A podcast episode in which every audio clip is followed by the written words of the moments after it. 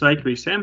Uh, vispirms jau liels paldies par uzaicinājumu piedalīties pasākumā. Uh, paldies par pagarinātajiem datu aizsardzības svētkiem, jo, nu, kad uh, notiek atzīmēšana, varbūt dažas dienas arī vēl pēc pasākuma, tad tā svētku sajūta pagarinās. Šodien esmu uzaicināts stāstīt par tādu Latvijā salīdzinoši maz apskatītu tēmu, jo padziļinātā veidā uzņēmumu saistošie noteikumi, tā skaitā viņu izmantošana kā garantija personas datu aizsardzības līmeņa pietiekamība, ir tāds pietiekoši mazā apskatīts temats, un arī man pašam bija tiešām interesanti gatavot, ko tad es īsti varētu par viņiem pastāstīt tādā nu, salīdzinoši īsā prezentācijas formātā. Uh, vispirms jau kāda ir tā viņu loma kopējā datu nosūtīšanas ainavā? Mm, protams, vispirms adekvātuma lēmumi. Uh, kā jau iepriekšējā uh, runātāja minēja, šis iet ārā no gadījumiem, kad ir nepieciešams kaut kāds papildus rīks, lai garantētu datu aizsardzības līmeņa pietiekamību. Uh, bet uh, nu, tas arī ir viens no gadījumiem, kad info, informācija, kad personas datus no Eiropas Savienības Eiropas ekonomiskās zonas var nodot uz ārā droši. Uh, standarta datu aizsardzības klauzas šeit, domājot abus divus veidus, uzņēmuma saistošie noteikumi, abi divi kā tādi tiešie konkurenti, jo tas būs tie abi divi galvenie gadījumi, ko piemērot gadījumos, mm, um, situācijās, kad uh, personas datu apstrāde ir uh, automā, automātiska, nu, tāda liela apjoma, regulāra uh, un, un atbilst tajiem kritērijiem, kad īpašās atkāpes datu aizsardzībā uh, piemērot nevarēs. Uh, tad uh, lielākoties uzņēmumi būs spiesti uh, vai tiem ne, būs nepieciešams vērot vienu no šo te abu divu instrumentu piemērošanas. Certifikācija, akreditācija šeit domājot rīcības kodeks, kā rīku datu nodošanas pietiekamības nodrošināšanai un certifikācijas institūtu. Certifikācijas institūta ziņā Latvijā drīz tiešām vajadzētu būt jaunumiem. Mēs esam otru, otrajā saskaņošanas procesā ar EDAK attiecībā uz saviem certifikācijas kritērijiem. Līdz ar to drīz arī Latvijā šim instrumentam vajadzētu būt pieejamam. Par to sīkāk varbūt kādu citu reizi. Kā jau arī iepriekšējā runātāja minēja, tad standartā datu aizsardzības klauzes piemērot Mm, nevarēs pēc šrem sprieduma noteiktos gadījumos neieviešot, nepapildinot tās ar kaut kādiem papildus pasākumiem, lai būtu nodrošināts garantētais aizsardzības līmenis tieši samērojot ar konkrēto datu apstrādi un konkrētiem apdraudējumiem, kas pastāv valstī, uz kur mēs plānojam nodot datus. Bet šodien vairāk mēs gribam runāt par uzņēmumu saistošajiem noteikumiem. Vispirms jau tie attieksies tikai uz tādu datu nodošanu, kas ietilpst regulas tvērumā. Uz informāciju, kas nav attiecināma uz identificētu vai identificējumu personu, neatieksies nepieciešamība nodrošināt atbilstību informācijas nosūtīšanai. Uzņēmuma saistošie noteikumi uz tādiem datiem tad īsti nav attiecināmi. Šeit uzreiz skaidrojot, pseidonimizēta datu nosūtīšana regulas tvērumā ietilps. Šo es bieži prezentācijās izdalu atsevišķi, jo man pašam vairākus gadus atpakaļ bija teiksim, pārdomas par to, vai tad uz tādiem datiem, kurus saņēmējs īsti nevar atšifrēt, ir jātiecina regula. Atbildi ir jā. Jo es kā nosūtītājs šos datus atšifrēt varu, un man ir jāpiemēro līdzīgs standarts uh, viņu aizsardzībai, kā ja es nosūtītu uh, nesašifrētus datus. Cita lieta ir, ka datu pseidonimizācija ir ļoti labs tāds tehniskais aizsardzības pasākums, kas, kas palīdzēs, kas, kas kavēs trešo pušu piekļuvi šai informācijai. Uh, uzņēmuma saistošie noteikumi neatieksies uz personas datu apmaiņu Eiropas Savienībā un Eiropas ekonomiskajā zonā. Šeit tiešā veidā piemērojās regula, un šeit nav nepieciešams kaut kāds uh, atsevišķs, uh, dublējošs datu aizsardzību nosakošs dokumentu kopums, kas, kas mēģinātu aizstāt regulu. Tādēļ šis uzņēmuma saistošo noteikumu galvenais darbības fokus būs tieši uz apmaiņu, kas ies no Eiropas Savienības uz ārā. Tāpat tās saistošie noteikumi neatieksies uz valstīm, kur ir adekvātuma lēmums, jo šeit mums arī nav nepieciešams nodrošināt kaut kādas alternatīvas, kaut kādas papildus garantijas. Mēs varam paļauties, ka šeit vietējā datu aizsardzības likumdošana būs pielīdzināma Eiropas Savienībai, un alternatīvas noteikumu kopums nav nodrošināms. Uzņēmuma saistošo noteikumu izmantošanai ir vairākas priekšrocības. It īpaši mums ir interesanti viņus salīdzināt ar tiešo konkurentu, ar standarta klauzām. Tad standarta klauzām ir jābūt katrai atsevišķai apstrādei. Šeit ir pietiekoši precīzi jādefinē, kam tad tieši konkrētais standarta klauzas kopums tiek piemērots, aprakstot apstrādi viens noteikumu kopums var aizstāt daudz atsevišķus līgumus. Ir tīpaši, ja mums uzņēmums ir liels, sazarots, viņam ir daudz darbības jomas, daudz dažādās valstīs. Tad tā vietā, lai izstrādātu tādu lielu un bieži vien grūti pārskatāmu līgumu kopumu, šeit var izstrādāt vienu kopēju noteikumu bloku, kurā bieži vien ir iespējams ieintegrēt jau grupas ietvaros pastāvošus kaut kādus kārtības procesus, dokumentus, tādējādi aiztaupot varbūt pūles, mēģinot atrast kaut kādu darbības modeli, kurš būtu mākslīgi jāiedzīvina tieši datu aizsardzībai. Jo lielākā daļa uzņēmumu jau arī savus datus aizstāv, rūpējās par tiem. Tas ir tieši saistīts ar kaut kādu ar biznesa interešu aizsardzību. Tādēļ uzņēmuma saistošo noteikumu izmantošanai šeit ir tiešām redzamas priekšrocības detalizācijā un ieviesto noteikumu pārskatāmībā salīdzinot ar daudz atsevišķu sašķeltu līgumu izmantošanu. Kas ir ņemams vērā, teiksim, salīdzinot ar pirms 18. gada režīmu, kad arī uzņēmuma saistošie noteikumi bija kā rīks informācijas apmaiņai starp Eiropas Savienību, Eiropas ekonomisko zonu un trešajām valstīm, ir, kad regula, ievērojot tajā izmantotās definīcijas, ļauj attiecināt uzņēmuma saistošos noteikumus uz tādām brīvāk identificējumām personu grupām. Joprojām ir spēkā prasība, lai šo te uzņēmumu un teiksim, meitas uzņēmumu grupas vienotu kopēji saistošu nosacījumi, būtu jāpievērš uzmanība tam, lai šī uzņēmuma grupa būtu iesaistīta kopējā ekonomiskā darbībā. Vienlaikus šī prasība, lai tas būtu nu, viens koncerns un tikai viens koncerns, vairāk nav tik cieši lasāma, kā viņi bija lasāma kādreiz. Šeit ir iespējams, kad pastāv arī varbūt tādās strikti noteiktās hierarhiskās attiecībās esoši uzņēmumi, tikai varbūt tas nav tik cieši vairāk lasāms jāņem vērā, ka uzņēmuma saistošie noteikumi nebūs attiecināmi uz datu nosūtīšanu ārpus grupas. Man nav atsevišķa slaida par uzņēmumu saistošo noteikumu mīnusiem, bet arī to vajadzētu pieminēt. Teiksim, salīdzinot ar līguma izstrādi, uzņēmuma saistošo noteikumu gatavošana būs vairāk stundas prasošs process, un stundas jurisprudencē nozīmē izmaksas. Tāpat tās, tas ir tāds diezgan ilglaicīgs process. Ir jārēķinās ar tādu pietiekoši garu saskaņošanas procesu. Jo, ja standarta līguma klauzu gadījumā mēs runājam par divām pusēm, kas viņas slēdz, nu, vai vairākas, ja mēs piesaistām pie viena un tā paša līguma vairākas puses.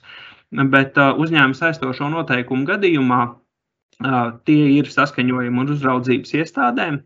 Un uh, uzraudzības iestādēm tie ir jāapstiprina uh, kooperācijas procesā. Tas nozīmē, ka skatīsies ne tikai padošās uzņēmēja darbības vietas uzraudzības iestāde, bet pēc tam tam tiks piesaistīti arī citi līdziņotāji, kas pēc tam tiks jau saskaņots EDAK ekspertu grupās un virzīts uz lielo EDAK plenāru apstiprināšanai. Tādēļ šeit ir jārēķinās tādu pietiekoši garu pēc saskaņošanas procesu. Tāpēc līgumi varētu būt noslēgti ātrāk, un vienu līgumu izstrādāt būs lētāk nekā uzņēmuma saistošos noteikumus. Mēs viņiem varam skatīties, ja mēs redzam, ka mums šādi līgumi ir daudz un mums ir grūtāk viņus izkontrolēt. Jau pieskāros iepriekšējā slaidā par uzņēmuma saistošo noteikumu apstiprināšanas procedūru, kam iesniedzami tātad vadošai uzraudzības iestādēji kur, kur atrodas lielākā pārstāvniecība, kur atrodas pārstāvniecība, kas pieņem lēmumus attiecībā uz personu datu aizsardzību. Ko iesniegt?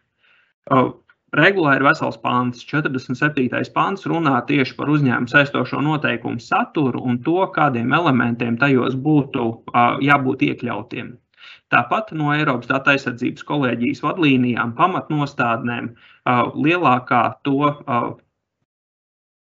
plašāk apspriestais temats tajos varētu būt tieši uzņēmuma saistošo noteikumu apstiprināšana un, un to saturs. Manuprāt, kādas septiņas, astoņas pamatnostādnes ir veltītas tieši šim tematam. Līdz ar to, kad plānojiet viņus izstrādāt un iesniegt, tiešām nepieciešams rūpīgi iepazīties jau ar gatavo materiālu, kas dos ieteikumus, kā labāk sagatavot šo dokumentu kopumu kuras iestādes izskatīs iesniegtos uzņēmumu saistošos noteikumus. Pamatā tās iestādes, kurās konkrētiem uzņēmumam, uzņēmumu grupai būs visplašākā uzņēmējdarbība. Procesu jau pieminēju. Tātad sākotnējā saziņa ir tieši ar vadošās uzņēmēju darbības vietas uzraudzības iestādi. Kas vēlāk meklēs un piesaistīs citus līdziņotājus, kuriem būs interesanti tieši konkrētā uzņēmuma grupa. Un pēc tam jau tas tiek apspriests ekspertu darba grupā un pēc tam virzīts uz plenāru. Tā, uzņēmuma saistošie noteikumi idejiski dalās divās uh, lielās daļās. Tātad uzņēmuma saistošie noteikumi pārziņiem un uzņēmuma saistošie noteikumi apstrādātājiem. Uzņēmuma saistošie noteikumi pārziņam ir uh, gadījumā, kad pārziņas no Eiropas Savienības vai Eiropas ekonomiskās zonas pārsūta uh, citiem spēlētājiem trešajās valstīs datus. Uh, pēc piemēriem, nu, uh, var būt cilvēku resursu vadībai nodota informācija. Šeit var būt nu, jebkāda biznesa informācija, kas nepieciešama uh, uzņēmuma informācijas teiksim, konsolidācijai vai uh, biznesa procesu vadības efektivizācijai. Uh, var būt arī informācijas apmaiņa kaut kādu atsevišķu projektu īstenošanai grupas ietvaros. Uzņēmuma saistošie noteikumi pārzinim attieksies, ja tiks pārsūtīts citam pārzinim vienas grupas ietvaros, ja tiks nosūtīts apstrādātājiem šīs te pašas grupas ietvaros no pārziņa. Savukārt, ja šis te uzņēmums, uz kuru attieksies saistošie noteikumi, kā biznesu veido trešo pušu informācijas pēcapstrādi, vai arī kādu ārpakalpojumu, ko viņš veids kā apstrādātājs un kurā ir iesaistīti vēl varbūt citi palīgu uzņēmumi, kaut kāda apakšapstrādātāja. Tādā gadījumā labāk būtu skatīties uz uzņēmumu saistošiem noteikumiem, kas piemērojami apstrādātājiem. Mēģināju uzzīmēt tādu mazu schēmu, lai labāk skaidrotu, uz ko tieši attieksies šie uzņēmuma saistošie noteikumi. Tātad mēs redzam zilo apli kā uzņēmumu grupu kā tādu, divi pārziņi, kas atrodas Eiropas Savienībā. Savstarpēji apmaiņas starp viņiem nenoteiks uzņēmuma saistošie noteikumi, kā jau runāju, jo šeit ir regula uz viņiem attiecināma. Savukārt uz nosūtīšanu, kur iet ārā uz trešo valsti, uz oranžo daļu, Šeit gan būs šie uzņēmuma saistošie noteikumi attiecināmi. Tātad gan no pārziņa pārziņam, no abiem pārziņiem, abiem pārziņiem, gan arī apstrādātājiem, kuram tiek nosūtīta informācija. Ja mēs izmantojam uzņēmuma saistošos noteikumus apstrādātājiem, tad uh, mums uh, jāņem vērā regulas 28. panta 3. punkta attiecināmība. Tas ir uh, nosacījumi, kas ietverami līgumā starp pārzinu un apstrādātāju. Uh, pievēršam uzmanību, ka, uh, lai arī tiek pieļauts, ka uh, šie nosacījumi ir ietverti ne tikai līgumā, bet, ar, bet arī citā juridiski saistošā dokumentā. Šeit ir tāds teorijas un prakses nedaudz pretnostādījums, jo uzņēmuma saistošos noteikumus mēs varam uzskatīt par juridiski saistošu dokumentu. Tādēļ teorētiski var uzskatīt, ka 28. panta trešo punktu mēs varam izpildīt arī ar šiem noteikumiem, bet praktiski to detalizācijas līmeni, kas tiek prasīts 28. panta 3. punktā, mēs uzņēmuma saistošajos noteikumos uz katru konkrēto apstrādi panākt nevarēsim. Jo viņš ir sazarots, tāds ļoti precīzs, precīzi informācija par katru konkrēto apstrādi. Šis 28. panta trešais punkts prasa sniegt. Un visu to ietvert uzņēmuma saistošajos noteikumos, kas vairāk ir tāds ģenerāls apraksts par apstrādes procesiem uzņēmumā, mēs nevarēsim nodrošināt. Līdz ar to tā tīri praktiski 28. pānta trešo punktu izpildīt uh, ar uzņēmumu saistošo noteikumu starpniecību nebūs iespējams. Šeit arī schēma ir nedaudz sarežģītāka, jo mums ir jāņem vērā, ka uh, šī uzņēmuma grupa, kurā darbojās apstrādātājs, viņa nodarbojās ar, ar, ar pakalpojumu, kad apstrādā datus citu personu vārdā, Tātad no ārējiem pārziņiem, ar kuriem attiecības regulēs regulas 283, uh, un kas atrodas Eiropas Savienībā un Eiropas ekonomiskajā zonā. Pēc informācijas saņemšanas šo datu apstrādi gan Eiropas Savienībā, gan trešajā valstī varēs noteikt uzņēmuma saistošie noteikumi. Bet attiecībā uz ārējiem pārziņiem viņi attiecināmi nebūs. Viņi būs attiecināmi gan uz uh, brīdi, kad mēs esam saņēmuši no ārējiem pārziņiem datus, gan cirkulējam grupas ietvaros, uz šo te visu attieksies uzņēmuma saistošie noteikumi.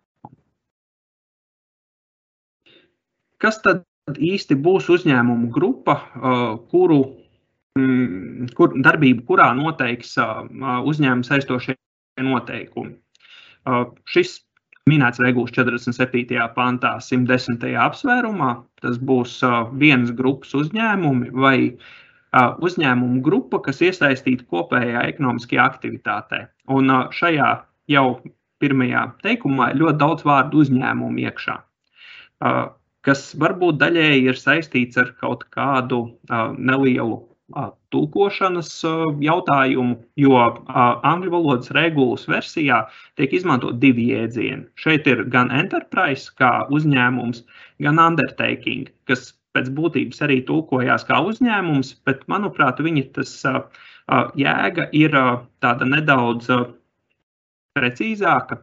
Ar undertaking saprotot nu, jebkādus apakšnodibinājumus lielajam uzņēmumam, nu, kā meitas sabiedrība sabiedrības, kas, kas var arī obligāti nebūt juridiskās personas, kur, kur, kur ar enterprise mēs vairāk saprotam tad, uh, regulas 4.18 apsvērumā minēto uh, fizisko juridisko personu. Tad tomēr undertakingi var būt arī filiālis, uh, var, var būt uh, nu, teiksim, tāds, tāds plašāks apakšnodibinājumu lokus. Lai kāds arī nebūtu šo te uzņēmuma juridiskais status. Jebkurā gadījumā uzņēmuma saistošiem noteikumiem jābūt visiem grupas dalībniekiem saistošiem un attiecināmiem uz katru grupas dalībnieku atsevišķi. Tā. Uzņēmuma saistošo noteikumu saturs arī ir regulā pietiekoši precīzi atrunāts un noteikts, bet viņus izstrādājot, mums ir precīzi jānosaka mērķis, uz ko dati attieksies, kādas būs datu plūsmas mērķu sasniegšanai. Ir uh, precīzi jānosaka, kādas definīcijas viņām būs izmantotas. Uh, par šo te ir uh, arī EDAK rekomendācijas. Uh, kāds, mm, kā tiks nodrošināta uzņēmuma saistošo noteikumu izpildi, cik tie būs saistoši, vai viņi būs uh, saistoši arī mm, citiem saņēmējiem. Trešās puses labuma guvēja tiesības, tas ir kā uh, iesniegt uh, prasību, lai uh, gūtu atlīdzinājumu uh, par nodarītiem kaitējumiem. Uzņēmuma saistošie noteikumi apstrādātājiem papildus ir jāietver informācija par pārziņu tiesībām. Tas ir šie ārējie pārziņi, kas sniedz informāciju apstrādātājiem balstoties ar, kas ir regulēta ar līgumu, kas ir noslēgts atbilstoši 28.3. Pušu atbildība, uzņēmuma saistošo noteikumu jurisdikcija, kā tiek nodrošināta pārredzamība, tas ir uzņēmuma saistošo noteikumu kā tāda, un datu subjektu piekļuvu informācijai tam, kā uzņēmuma saistošo noteikumu izpilde tiek auditēta, kā notiek viņa izpildes uzraudzība, kā tiek veikta uzņēmuma apmācība par datu aizsardzību un privātumu tajos, kāds ir uzņēmuma privātuma amatpersonu tīkls, vai viņiem ir viens centralizēts oficiāls, kas nodarbojas personas datu aizsardzību, vai arī ir paredzēts, ka katrā dalību valstī ir arī savs lokālais datu aizsardzības speciālists, kā tiek sniegta informācija par tiem. Uh, ne tikai sūdzību iesniegšanas, bet arī to izskatīšanas procedūra, kurš būs par to atbildīgs, kādas būs pārsūdzības kārtības un tā tālāk un tā joprojām. Jānosaka pienākums sadarboties ar attiecīgajām uzraudzības iestādēm. Pie tam uzņēmuma saistošajos noteikumos apstrādātājiem arī papildus pienākums sadarboties ar pārziņu, kā uzņēmuma saistošie noteikumi tiks atjaunināti, Visbeidzot, un nekā pēdējais datu aizsardzības pasākumi, datu subjektu tiesību aizsardzība un nepieciešamās klauzulas par trešo valstu tiesību aktiem, kas nu, palīdzēs kā, nodrošināt šo uzņēmumu saistošo noteikumu attiecamību kā papildu aizsardzības rīkam. Es tiku saņēmis jautājumu, un es šeit ieliku patiesībā tādu ekspromptumu atbildi iekšā, ka patiesībā kā nodrošināt šo analīzi vai trešās valsts tiesību aktu un praksi, kā, kā viņu novērtēt, par to runā EDAK rekomendācijas, ko pieminēja arī iepriekšējā runātāja. Konkrēti viņu divu, trīs nodaļu, trīs atslēga vērdi - sadarbība. Tas būtu ar to pusi, ar ko jūs slēdzat līgumu vai uz kuru nosūtīsiet informāciju, lai viņi jums palīdz saprast normatīvos aktus, kas attieksies uz apstrādi, izpēte, pievērsiet uzmanību, paskatieties publiski pieejamo informāciju, kas zināms par valsts, par likumdošanu un tā tālāk, un analizējiet.